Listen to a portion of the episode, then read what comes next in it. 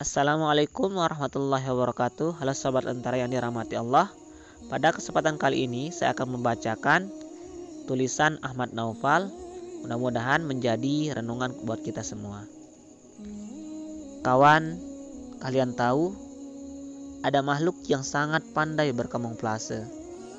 Jika kalian pikir makhluk itu adalah bunglon, kalian salah. Makhluk ini lebih pandai berkamuflase daripada bunglon Makhluk ini bernama aku.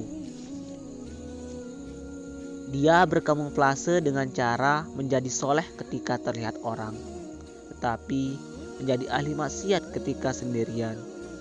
Bahkan lebih dari itu, dia secara terang-terangan memusuhi syaitan, namun menjadi temannya ketika sendirian. Dia juga pandai menyampaikan, namun tak pandai dalam menjalankan. Banyak orang yang menyukai aku karena aku ini terlihat sangat soleh dan sangat pandai menyampaikan. Padahal, jika mereka tahu kenyataan yang sebenarnya, mereka tidak akan mungkin menyukai aku. Aku termasuk ke dalam ahli maksiat sejenis munafik. Terima kasih. Assalamualaikum warahmatullahi wabarakatuh.